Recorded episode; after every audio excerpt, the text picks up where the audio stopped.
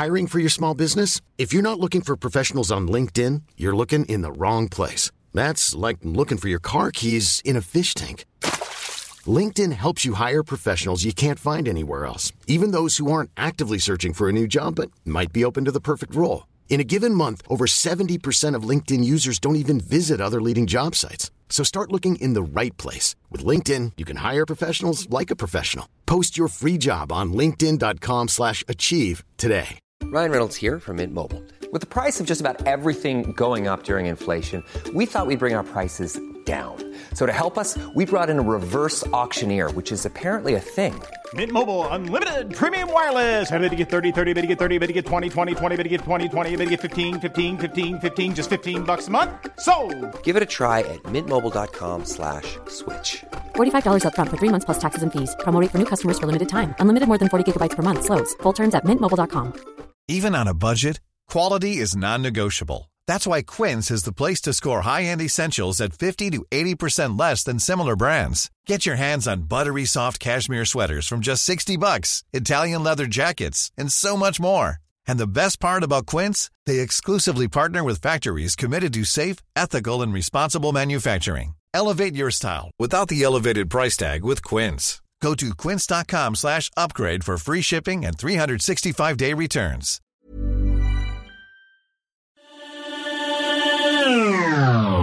Hallå? Ja, nu hör jag mig själv. Ska vi se. Och jag har mig själv också. Jag undrar om jag egentligen borde jobba med IT-support. Ja, jag tycker faktiskt det. Du, det, det, är också, det skulle klä dig att ha någon form av öronsnäcka. Men det är så du tror att ditt öra. Ja, IT-support har. Ja, det vet alla. Det är så IT-support-människor ser ut. Jag tänker inte på ett liksom callcenter utan jag menar mer liksom på golvet på ett företag och bara få gå runt och skrota och koppla in folks datorer. Och... Nej, men du behöver fortfarande ha den där örsnäckan. Jag Ja. känner det. Känner det med hela mitt Det är väsen. alltså så, så accessoaren som till. Och ryggsäck ska du ha. Kanske, Åh! kanske KPMG-ryggsäck. Gud vad härligt med ett riktigt sån där bluetooth Cable headset. guy. Klara. Ja! Little gal. Hörni, hej och välkomna till 30 plus trivar. Hej. Halloj! Har ni haft det bra som vi såg sist? Ja. Nej, jämna plågor då. Ja.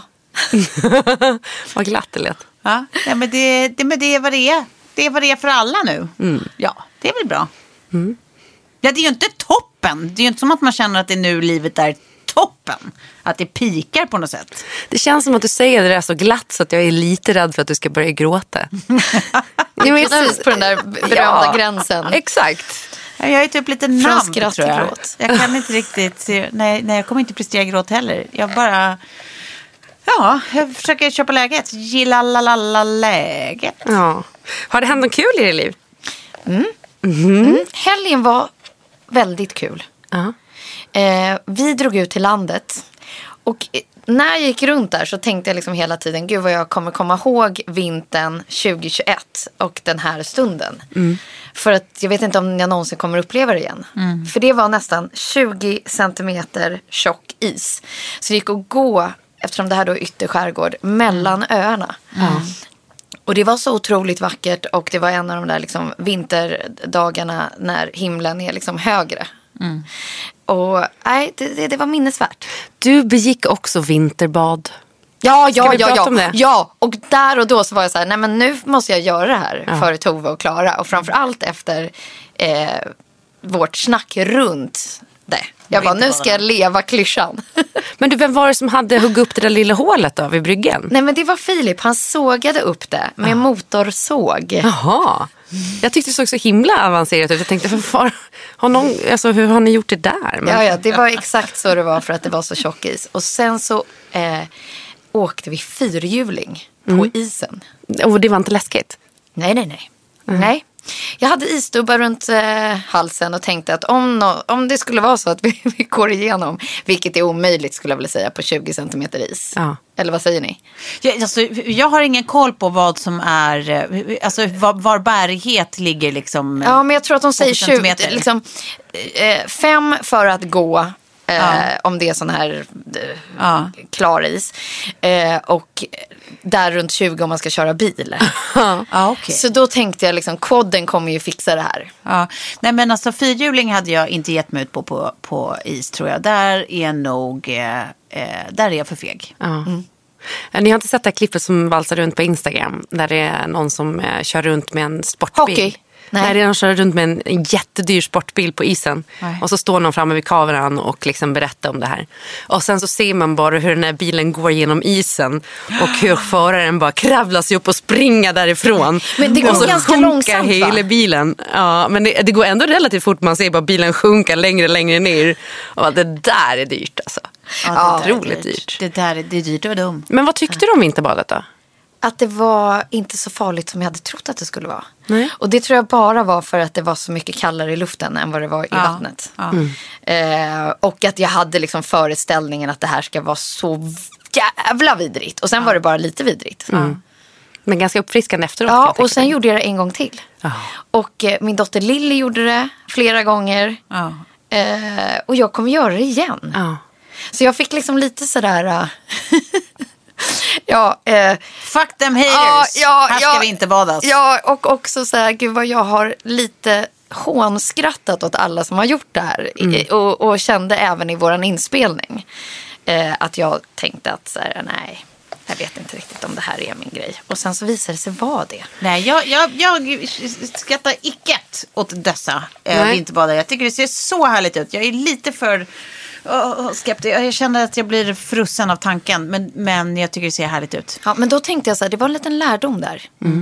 För att det är så lätt att så här, hamna i, nu, nu, nu pratar jag bara runt exakt hur vi analyserade allt detta med trend och, och Eh, Instagramfönster och så. Att så här, när man inte har gjort det men man är lite nyfiken och någon annan har gjort det. Att det är lätt att han tendera i att så här, gud vad det där ser löjligt ut. Ja. Vad, är det för trams? Vad är det för trams? Ja, Vad är det där för trams? Och sen så när man väl har, har gjort det så bara så här, ja. Jag förstår er. Ja, det var trams som bara var lite min- vidrigt. Okunskap. Ja, men jag tänker, kan det där också vara en lärdom hur man ska ta sig an livet? Att man ska alltid föreställa sig att allting kommer vara riktigt vidrigt. För då är det ju, när det bara är lite vidrigt, en jättepositiv överraskning. Ja, men verkligen. Fast då lever jag.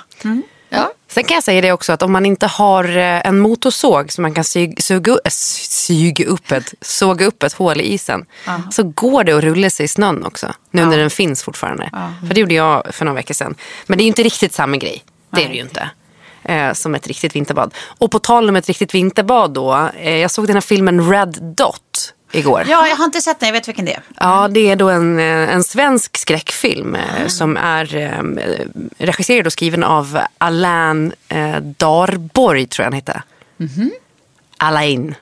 Jag kan inte uttala hans namn riktigt. Allah, kanske. Eh, och eh, det är med Nanna Blondell som är en av huvudrollerna. Eh, ett par som drar upp till fjällen och ska eh, ut och vandra i snön. Och sen blir det riktigt, riktigt vidrigt. Okej. Eh, och läskigt och spännande. Eh, Var den sevärd? Ja, men det är den absolut. Eh, den är också så eh, otroligt smart skriven för att vara svensk måste jag säga. De har fått till det där. För det är liksom lite twist på twist-stämning. Men nu tycker jag att vi har i ganska många avsnitt eh, rad hyllat olika svenska tv och filmproduktioner. Kan Ja. det vara så att svensk filmproduktion är på frammarsch? Ja, för det Att har, vi tycker att det, det har skett något? det har varit några torra år där. Och vet ni vad jag tror är lite av eh, framgångssagan i det hela?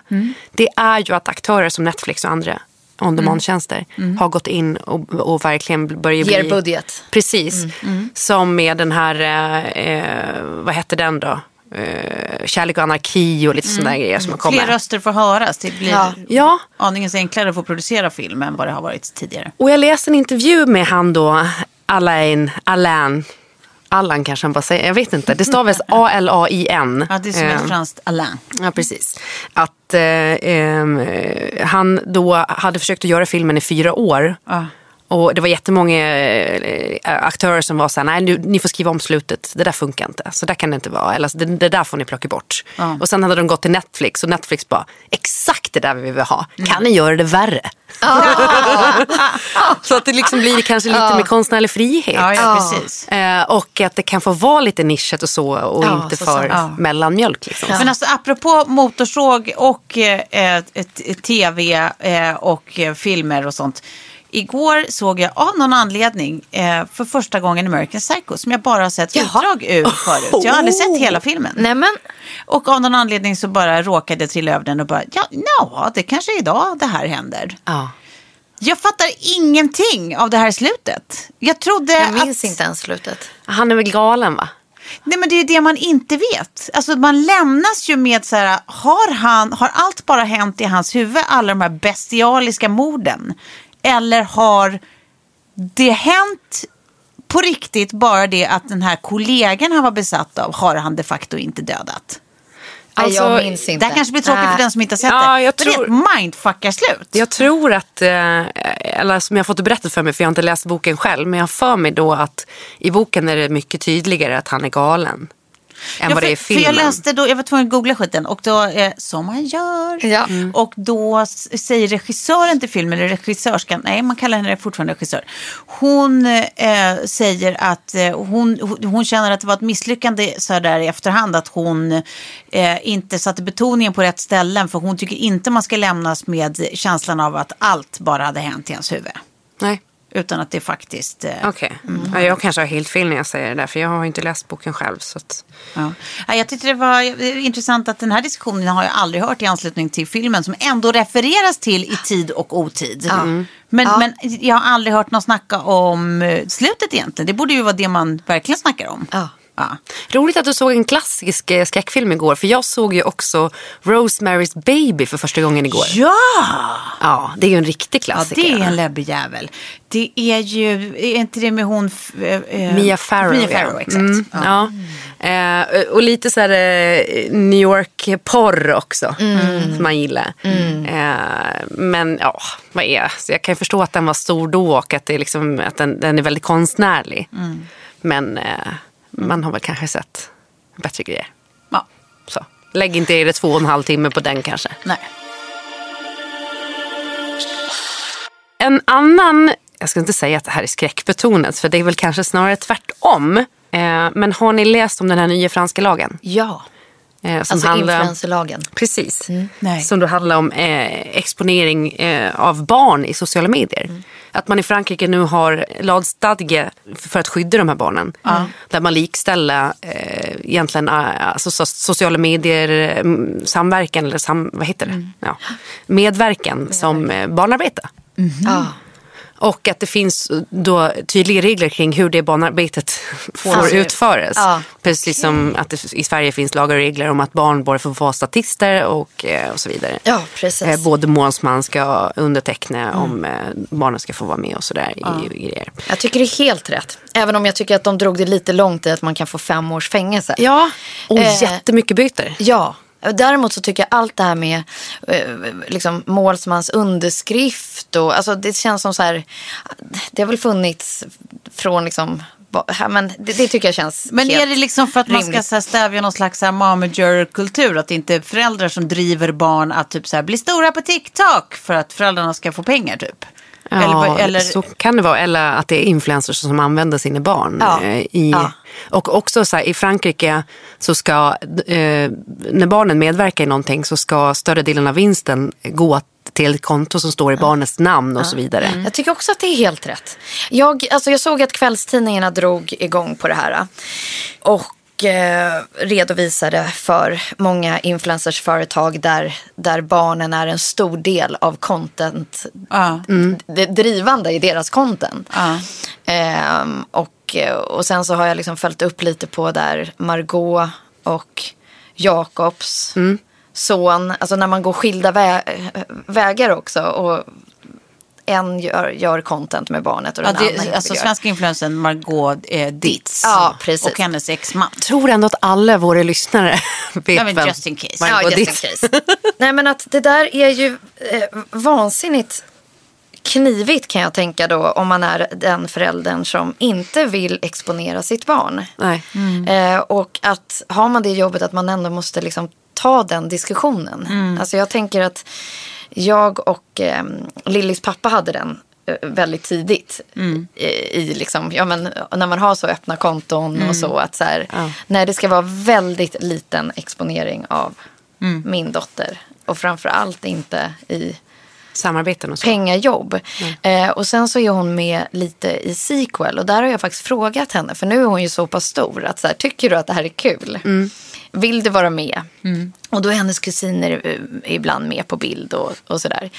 Och, och det är ju mer att så här, vi har någon fotograf alltså, som kanske är Frida ibland. Eller min syster och min systers man ibland som är fotograf. Och sen så är det mer i ett sammanhang där vi egentligen är. Hänger vi på bryggan och fiskar krabbor eller är vi på någon semester? Att det, är liksom, det är inte ett, ett stageat jobb eh, där det kommer massa pengar till mig. Utan det är vårt familjeföretag mer. Så. Ja. Eh, och där hon får säga ja och nej om hon vill vara med eller inte. Men annars så, så lite som möjligt. Alltså, jag, kan, jag, jag tycker också att det är jättebra att Frankrike driver igenom de här, den här lagen. Eh, samtidigt som att det, den verkligen sätter fingret på hur problematiskt det, det är från början till slut. Ja. Ju. Ja. Eh, med att barn figurerar i sociala medier såklart. Eh, och, och i betalda samarbeten. Eller egentligen bara generellt. För, för barnen kanske det inte är jättestor skillnad. Eh, om det är ett stort konto som liksom måste göra jättemycket content hela tiden. Eh, det är klart att barnen ska få ta del av eventuell vinst. Men, men jag kan tycka att det är... ehm, Eh, det hade väl kanske bara varit enklare om det var så här, man får inte eh, liksom utnyttja barn generellt i sociala medier, punkt. Till något, typ. Eller egentligen då, då, i reklamsammanhang eller liknande. Men, var, men var drar man gränsen då? Alltså så här, någonstans typ eh, att lägga ut filmer eller bilder på när man är med sitt barn i sin vardag men man lever som influencer och det är det man tjänar pengar på att det där finns i ett Även om det inte är ett uttryckligt samarbete där barnet har en uppgift. Utan det, den bara förekommer liksom med jämna mellanrum i ett flöde. Men att flödet ser ut just som det gör är också det som gör att mamman eller influensen eh, eller pappan eh, tjänar pengar. Så här, hur, hur, hur ska man se på det då? För då är det ju som ett indirekt, så här, ja den är viktig för det här flödet men den har ingen uppgift här som är Nej. beställd.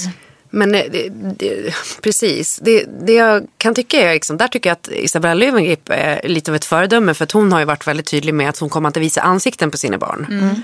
Och, och eh, det kan jag känna att jag lite så önskar att jag hade tänkt tidigare. För jag lägger upp bilder på mina barn ibland också. Ja. Jag försöker att inte göra samarbeten med mina barn eh, men jag lägger upp bilder på dem ibland. Eh, och där har liksom eh, Bettys pappa sagt att han vill inte att hon figurerar i, i samarbeten eller någonting sånt. Och sen så har vi ju nog tagit det beslutet för Sam också. Ja. Eh, sen innan liksom. Men, men att det där med att bara inte ha ansikten på dem så kan de ju ändå vara med men det blir inte så personligt på det sättet. För jag tänker också, i- eh, kommer ni ihåg när man var liten? Det var alltid någon jävla unge som fick något modelluppdrag. Som skulle vara med i någon sån här kampanj för H&M som Ja, ja, ja. plåtades på Fårö. Ja. Och de ungarna är ju sällan, eh, alltså det blev ju inte helt hundra. Kan vi inte bara säga det? Alltså de kompisarna jag hade som fick liksom modellkontrakt när de var 13. Nej, nej jag, alltså förlåt. Den snyggaste i klassen. Ja, men det är Vad blev inte- det med dem sen? Det är ju inte människor som mår toppen idag. Ja, men sen har vi ju Mini Andén, hon var ju barnmodell alltså, Ja. på, tidigt. Ja, gud ja. Hon Ja, det finns ju undantag Ja. såklart. Men jag tänker på att Tove, du var ju faktiskt barnarbetare. Ja, det var jag. Ja. Och sen när man var på med. Och liksom, Ja. det var ju barn som kände igen dig då. Ja, Ja, du, visst. har, alltså, du har egen erfarenhet av det. Ja, jag var ju inte modell, needless to say. Men jag, hade, jag var ju med i Björns magasin, va? jag hade ju min egen tv-serie. Och det, då blev man ju lokalkändis på Lidingö. Ja. Är det Eh, sant? Absolut. Men, det, men, det, men då var det ju liksom, det var ju inget jag upplevde som ett jobb som så här, jag gör det för mamma säger jag ska göra det. Alltså Nej. det var verkligen så här, alltså farmor frågade om jag skulle tycka det var kul att göra tv med henne. Och då var det ju liksom så här, man bara kan tänka sig något större nu för att göra tv. Man bara, Och Björnes Ja! magasin, alltså ja! Ja, så att det var liksom så här ja, men då gjorde vi det ihop och det var jättemysigt och jättespännande och ett äventyr och jag fick pengar för det liksom som satt på mitt eh, bankkonto sen liksom. Eh, och, så, jag, och Sigge har ju varit med på no- så här, eh, ett par samarbeten som jag har gjort. Eh, men då har ju vi liksom försökt köra den modellen också som du Sofia, att man liksom frågar henne. Så här, kan du tänka dig, skulle du vilja? Jag menar som när vi typ var i Åre med våra barn. Liksom, Ja. Ja. Med Ja, Telenor och sånt. Alltså, då tyckte ju de att det var. Superroligt. Liksom. Ja. Det Ja. värsta äventyret.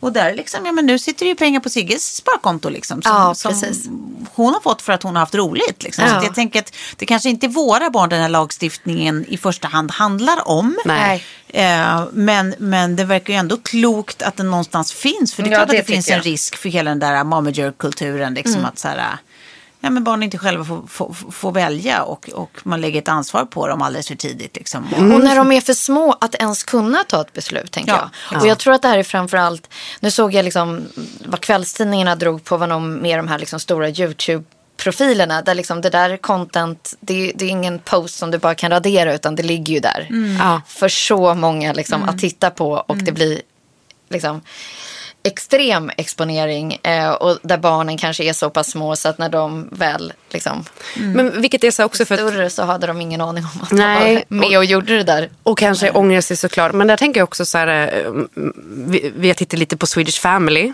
Och så har man tänkt lite så här, fan, det där är inte lite märkligt att eh, de är så otroligt dokumenterade. Om jag har koll på Swedish Family. Nej. Det är en familj då som lägger upp en massa innehåll på YouTube och på Instagram och så vidare. Där de, man får följa deras vardag. Okej. Men samtidigt så sitter jag ju på SVT och kollar på Bolibompa-familjen. Som är exakt Swedish Ja. Family fast liksom av SVT. Eh, där det är, är samma upplägg. Liksom. Där man, eh, alltså det är såklart att det är jättesvårt. Att, eh, och det är det, det, det jag börjar undra lite också, så man funderar på det och fram och tillbaka. Eh, liksom hur man ska se på det. För det är så lätt att, som i alla sådana här diskussioner, att man svartmålar vissa personer. Får ta hela kakan. Ja, ja, och så kommer ja. andra undan. Ja. Och det blir också lite orättvist såklart. Nej, Eh, jag läste, jag lyssnade inte på det, men jag läste intervjun eh, transkriberad med Jakob Lieberman, då, Margot Ditts exman. Mm. I Gott Snack. Han har ju ett Instagram-inlägg också där han har Ja. beskrivit ganska Ja. som ligger. Och han har skrivit en debattartikel och lite sånt där. Och är väl väldigt drivande i att man nu ska se över lagarna i Sverige också. Eh, och sen i Gott Snack så gick han ut och sa att han då har försökt att nå fram till Margot på olika sätt. Att eh, han till och med har kopplat in juridiska ombud och så vidare för att försöka att och, eh, liksom, göra någonting åt det här. Men mär- eh, upp till, alltså, känner att han inte når fram. Och Margot har ju än så länge, i alla fall tills vi spelar in den här podden, inte uttalat sig. Eh, hon kanske har gjort eh, förändringar i sitt content. Jag vet bara att före jul så hade hon fortfarande med sitt barn och, och, i sina videos och så vidare. Men vad, liksom, vad tycker ni om hans eh, inspel i debatten? Eh, åh, det jag tycker att det här är så svårt att tycka om. Alltså det är så såriga saker. Men det är ju hela det där liksom med så här. Det är två föräldrar som, som har ansvar för ett och samma barn. Och det är klart att i en drömvärld så kommer föräldrarna överens innan någon fattar ett beslut som påverkar barnet. Liksom.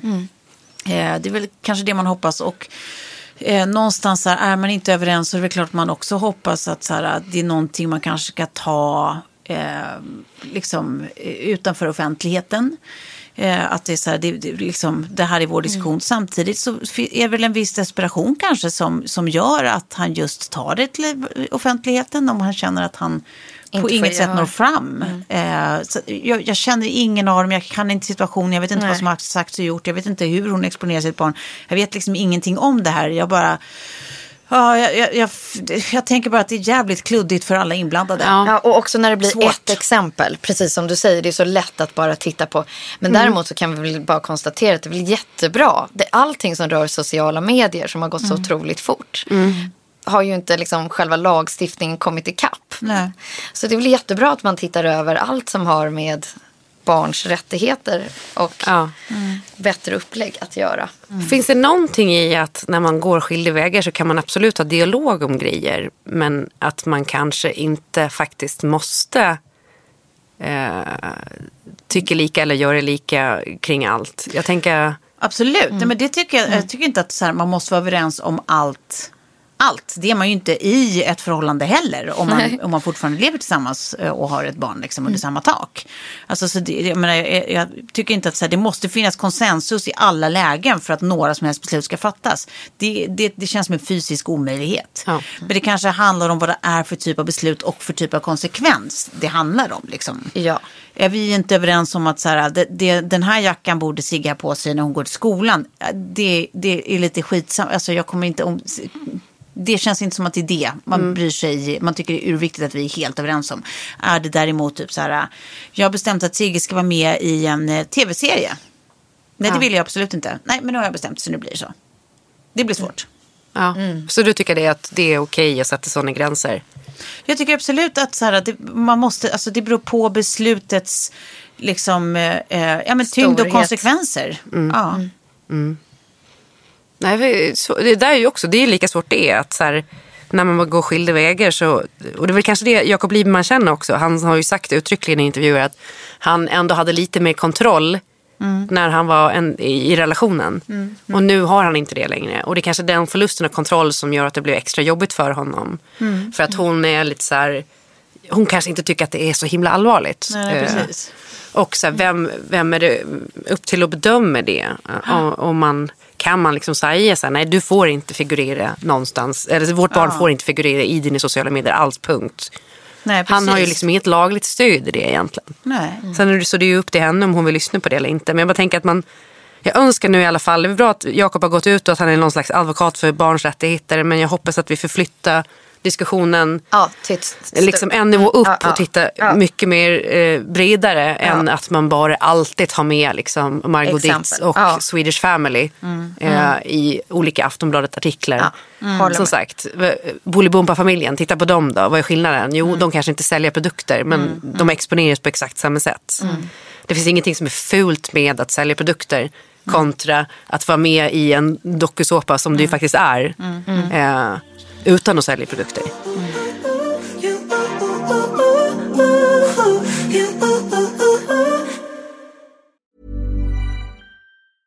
Hey, I'm Ryan Reynolds. Recently, I asked Mint Mobile's legal team if big wireless companies are allowed to raise prices due to inflation. They said yes. And then when I asked if raising prices technically violates those onerous two year contracts, they said, What the f are you talking about, you insane Hollywood ass? F- So to recap, we're cutting the price of Mint Unlimited from $30 a month to just $15 a month. Give it a try at mintmobile.com slash switch. $45 upfront for three months plus taxes and fees. Promo rate for new customers for limited time. Unlimited more than 40 gigabytes per month. Slows. Full terms at mintmobile.com. Hiring for your small business? If you're not looking for professionals on LinkedIn, you're looking in the wrong place. That's like looking for your car keys in a fish tank. LinkedIn helps you hire professionals you can't find anywhere else, even those who aren't actively searching for a new job but might be open to the perfect role. In a given month, over 70% of LinkedIn users don't even visit other leading job sites. So start looking in the right place. With LinkedIn, you can hire professionals like a professional. Post your free job on linkedin.com slash achieve today. Hey, it's Ryan Reynolds, and I'm here with Keith, co star of my upcoming film, If, only in theaters, May 17th. Do you want to tell people the big news? All right, I'll do it. Sign up now and you'll get unlimited for $15 a month and six months of Paramount Plus Essential Plan on us. Mintmobile.com slash switch. Upfront payment of $45 equivalent to $15 per month. Unlimited over 40 gigabytes per month. Face lower speeds. Videos at 480p. Active Mint customers by 531.24 get six months of Paramount Plus Essential Plan. Auto renews after six months. Offer ends May 31st, 2024. Separate Paramount Plus registration required. Terms and conditions apply if rated PG. Eh, på tal om dokusåpa då. Eh, Framing Britney Spears. Ja, nu har jag sett den. Vi har ju lovat våra lyssnare att vi skulle eh, utveckla det här samtalet lite eh, mer när alla hade sett den här dokumentären. Eh, och det är väl egentligen, alltså, man kan säga att Kardashians är vår tids största dokusåpa men det kanske är egentligen livet, Britney Spears liv som är Ja, ja, eller det har ju blivit i en retrospekt. För nu det, känns det ju som att så här, världen varit ganska frånkopplad i ganska många år av hennes Ja. förmyndarskap. Alltså så här, då, då har inte hon varit lika aktuell in your face everyday på samma vis som Kardashians. Men du vet, man tittar på den här dokumentären och får det summerat i backspegeln så här. Alltså, wow. jag vet. Helvete. Jag vet. Jag tycker att det första som slog, nu kanske du hade en agenda i och för sig. Så jag kanske Nej, inte ska kör. gå. Jag, jag vill bara säga att det första som slog mig när jag såg den här var att så här, den personen hon var i början av hennes karaktär, när man får se alla klipp från intervjuer Ja, tidigt karriär. och sånt. Ja, karriär, förlåt. Eh, att det, var så här, det, det var ju en supervaken, superengagerad, in control of herself. Eh, eh, driven tjej liksom. Alltså, hon kändes ju 100% med. Den hon är idag i liksom så här, de få sammanhang man får se henne, liksom, men kanske klipp hon själv lägger upp eller sånt. Det känns ju som en helt annan människa. Och, och så här, att man förstår till tusen procent hur det blev så. Ja, absolut. Att det är så här, gud vad, vad världen har ansträngt sig för att bryta ner, ner. det här stackars Ja, och, psyket. och liksom psykisk ohälsa i liksom sin liksom fulla blom. Och också så här, det, det, min tanke är också så här, hur Ja, men hade inte det bara så- hennes, Nej, obs! nej. Inte bara hennes psykiska ohälsa. nej. Utan folk runt omkring hennes Ja, och ja. världens psykiska ohälsa. Ja, Nej, men det, man, man hade velat, tänk vad som hade hänt om det här hade utspelat sig i nutid. Tänker jag liksom. Och för mig blir det så tydligt i, hon är ju då två år yngre än dig och mig Tove. Vad är hon, 81? Så det är väldigt lätt att följa liksom, åren och, och, och var vi var någonstans Ja. i samma period. Ja. Och under liksom, den där perioden, den mest liksom, galna, då sitter jag liksom ändå på, på Aftonbladet och gör motsvarigheten till Us Weekly, eh, som heter Klick. Eh, så att hela det bildflödet där då, som de säger i, i dokumentären, man kunde sälja en bild för en miljon dollar. Eh, på något sätt var jag ju en del av den industrin. Eh, väldigt liten men ändå liksom jag såg den. Och jag var i, och dokumenterade och filmade i Los Angeles och i New York med liksom alla de som var runt henne då. Alltså och ni Lindsay och Lohan och Paris Hilton. liksom. Och vi satt liksom på, på andra sidan Atlanten sen också och köpte in de här bilderna. Och s- satt, eh, nu var jag liksom på modeavdelningen så jag satte liksom inte Britney-rubriker. Men jag trollades lite tillbaka till den tiden. Och jag minns då också så här, jag var ju väldigt ung när jag kom in i liksom kvällstidningsvärlden. Och, eh, och helt plötsligt fick sitta i intervjusituationer ungefär samtidigt som när hon sitter i intervjusituationer och är 20. Och får höra så här, ja, men säljer du lösnummer för att du har de där korta klänningarna på omslaget? Och när hade du sex senast? Och, alltså så här, man, jag fick så extremt knäppa frågor som jag liksom reagerade och kände så här olust inför då.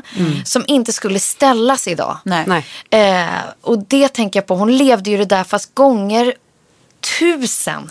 Och hur det börjar så tidigt i den här liksom äldre gubben som frågar henne när hon är tio år om de Ja, ska ska bli bli, ihop. tillsammans. Ja, har någon pojkvän. och sen så, så här att, att det, det finns den här... Frågar om hennes bröst, frågar om hon verkligen är oskuld. Ja, Alltså så här- bröstfrågan fick jag också jätteofta i intervjuer. Man bara, men ska vi inte prata om mitt jobb? Hur kan vi landa i det här?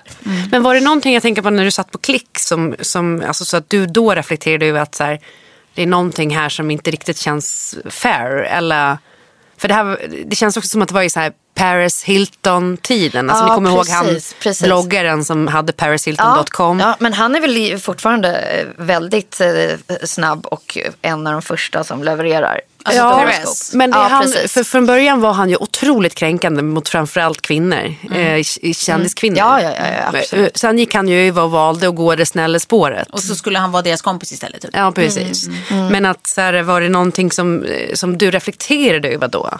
Nej, men jag satt verkligen och funderade igår när jag tittade på det här. Liksom, Men var vi, känd- inte, var vi inte barn av vår tid någonstans? Att, det, det var som att så här...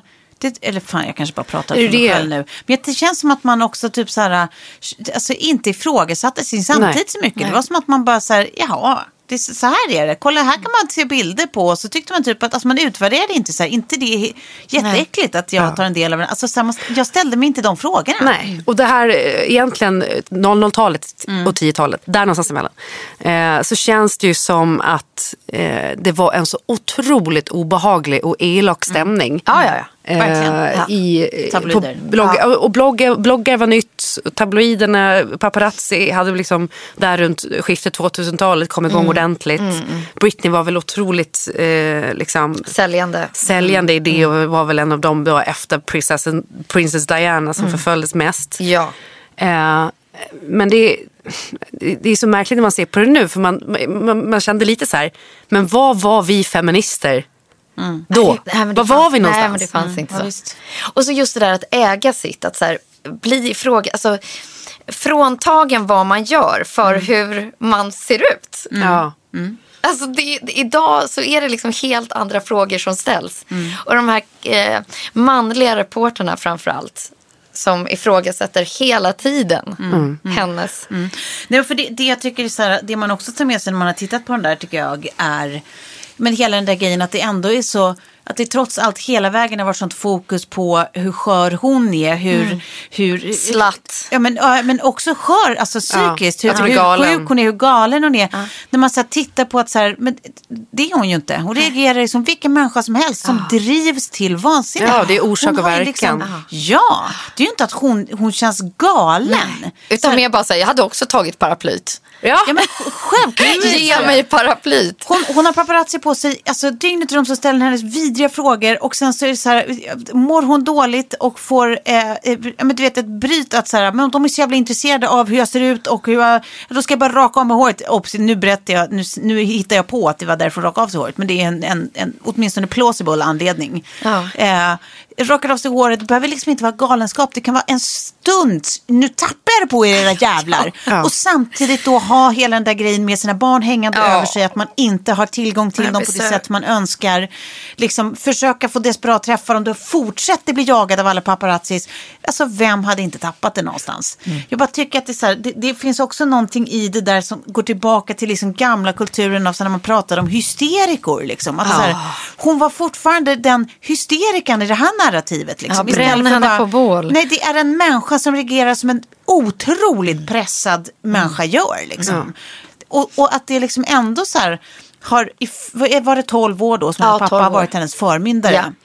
Att man fortfarande inte ifrågasätter honom och hans motiv. Utan det är fortfarande så här, trots att det liksom finns svart på vitt att så här, det är nästan ett företag nu. det här förmyndarskapet. Och att hon Han tjänar pengar på för, förmyndarskapet. Och att hon förväntades under den här perioden då hon var nyförlöst, eh, förmodligen i en då förlossningsdepression som hennes mamma vittnar om i sin bok. Ja. Eh, har precis då eh, eh, blivit av med vårdnaden av sina barn i stort sett, får inte träffa dem, en nyfödd liksom. Som man precis har fått ur sin kropp, får hon typ inte träffa. Eh, att, att de i det bara så här, nej hon ska upp på scen igen. Ja. Och, och man tänker på det här MTV-framträdandet där hon så här, jag tittar på det i efterhand och så jävla galet var det inte. Alltså så här, hon gjorde ett litet steg som var liksom lite vimsigt typ. Eh, hon, hon var väl, man ser ju att hon kanske förmodligen har tagit någon slags lugnande tablett eller någonting sånt där. Men det är sinnessjukt att de stoppar upp henne på en scen när hon bevisligen liksom fortfarande mår så dåligt och har fortsatt att göra det. Eh, och sen det man bara kan anta, använt då umgängesrätt med barnen. Eh, samt liksom, eh, då medicinering som straff, eller metod typ. Eh, d- om du ska liksom få träffa dina barn så måste du medicinera. Eh, om du ska få träffa dina barn så måste du göra det här.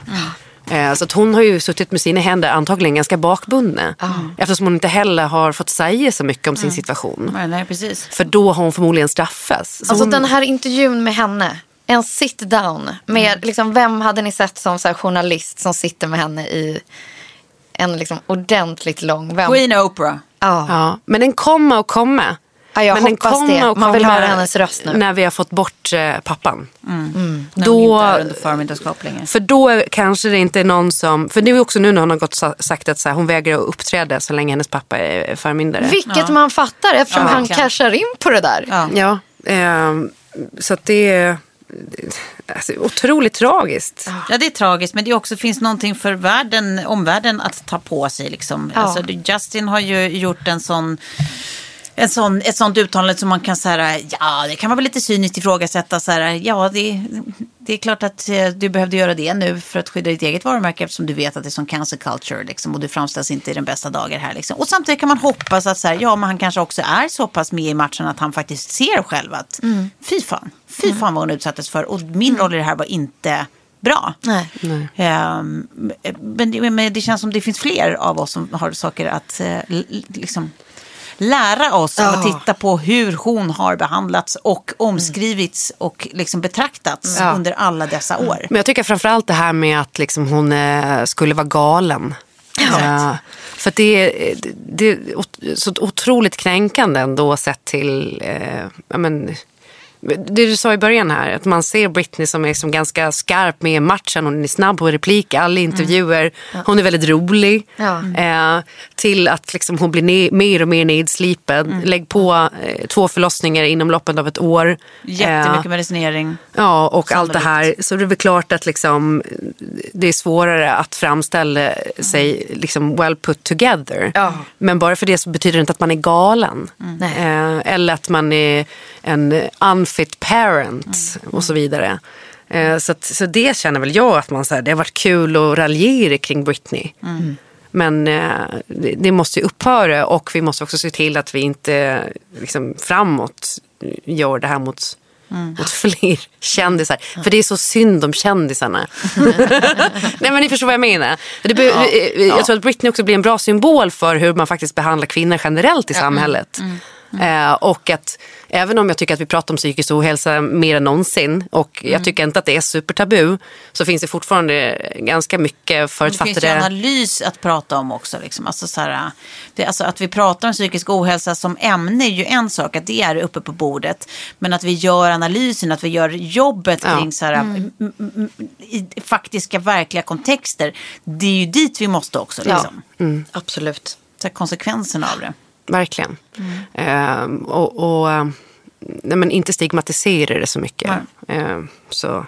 Sen, såg ni, jag gick in och var tvungen att se och hela Diane Sawyer-intervjun. För de har med Nej, lite klipp nej. i dokumentären. Ja, precis. precis. He- Hela finns ju att se. Ja, okej. Men det är ju verkligen en studie i kvinnohat, den intervjun. Och fan. För där är ju allt egentligen med. De pratar väl typ om hennes eh, utseende, hennes bröst, om det här dödshotet som hon fick då från någon eh, politikers fru. Ja, Som det. Diane Ja, just Sawyer det, just det. bara Ja. stoppade upp i ansiktet på henne och bara så här, vad har du att säga om det här liksom? Ja. Alltså, Men så jävla oansvarig Ja, det är intervju. så verkligen. Hur kan man, alltså, då, då är det så, så vansinnigt påtagligt hur man bara prioriterar sensation och tittarsiffror. Liksom, Ja. Över Framför så här- personen. Ja, men det mänskliga mötet. Alltså, Ja. så här, vill ni ha en bra intervju? Vill ni ha ett, ta, ta ett socialt ansvar? Vill, alltså, så här, Mm. Eller vill ni bara så här, få chocken som skapar rubriker? Liksom? Mm. Det där är så vidrigt gjort. Verkligen. Men jag tänkte på det, för eh, någon annan som har fått en del kritik för intervjuer nu i efterhand är David Letterman. Bland annat intervjun han gjorde med Paris Hilton när han frågade om hennes eh, fyra timmar i fängelse. Det är så Eh, och att han frågade om Lindsay Lohans rehab. Där man också känner eh, nu att det kanske också, alltså det, kan, det får inte tippa över heller i att man in, inte kan ställa frågor eller prata om grejer som är jobbigt eller svårt. Det, det många hävdar då är ju att han eh, i egenskap av man har liksom varit förminskande mot kvinnor och eh, så vidare. Ja, men plus att hans grej har väl också varit att de har kommit överens om en sak när de har bokat gästerna. Att så här, vi kommer inte att prata om det, det eller det på din request. Mm, precis. Sen när de väl sitter där och det, kameran är på dig och publiken sitter framför så gör han det ändå. Ja. Det var ju liksom lite hans MO. Han Ja. gjorde ju det ofta liksom. Vilket gör honom såklart till en gris. Ja. Men han, eh, det, det jag tycker är att han har ett annat humorkapital. Och det tror jag kan vara lite skillnaden också. När man sätter sig i David Letterman så vet man vad det humorkapitalet eh, innebär. Fast jag tycker inte man kan säga så heller. För det är ju att friskriva honom för att han är rolig. Att det är så här, någonstans så här, allt beror ju på hur det känns för den som blir utsatt för det.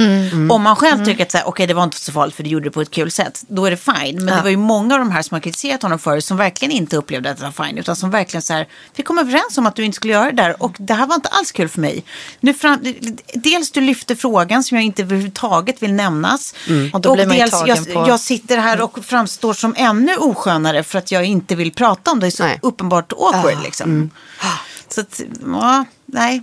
Ja, Jag, jag känner bara att i sådana sammanhang så är det väl, nu ska inte jag försvara David Letterman för det bryr, jag bryr mig extremt lite om David Letterman. Men det jag tänker är att det är så mycket tydligare vad man går in i för sammanhang när man sätter sig hos en sån talkshow-host, en late night host. Att man vet att det, det, de gör vad fan de vill. Och eh, det kommer bara vara för att plocka poänger och få skratt. Liksom. Men där man, om man sätter sig hos Diane Sawyer Mm. så kanske man förväntar sig en annan typ av intervju. Ja, att det, det är Mycket mer högre ska- nivå. Ja, Ja, men mer så här ett, ett samtal två människor emellan och det är dessutom en kvinna och det ska vara liksom, ja precis, jag förstår vad du menar. Vi får, vi får säga att så här, underbart är kort den här gången för det, jag måste springa så att eh, off I go. Eh, tack för den här. eh, Tack men för tack. Vi snar- ses snart igen. Det gör vi. Och eh, då kommer vi spela in som en liten AV hemma hos mig. Och gud, finns, kommer det finnas vin? Om det kommer att finnas. Tut, tut. Puss. Puss puss.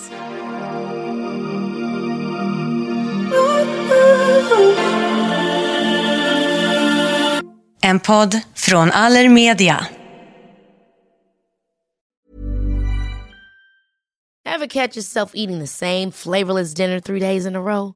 Dreaming of something better? Well, Hello Fresh is your guilt-free dream come true, baby. It's me, Kiki Palmer. Let's wake up those taste buds with hot, juicy pecan-crusted chicken or garlic butter shrimp scampi. Mm. Hello Fresh. Stop dreaming of all the delicious possibilities and dig in at HelloFresh.com. Let's get this dinner party started. Even when we're on a budget, we still deserve nice things.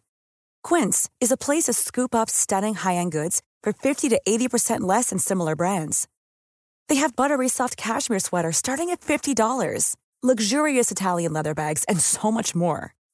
Plus, Quince only works with factories that use safe, ethical, and responsible manufacturing. Get the high-end goods you'll love without the high price tag with Quince. Go to quince.com slash style for free shipping and 365-day returns.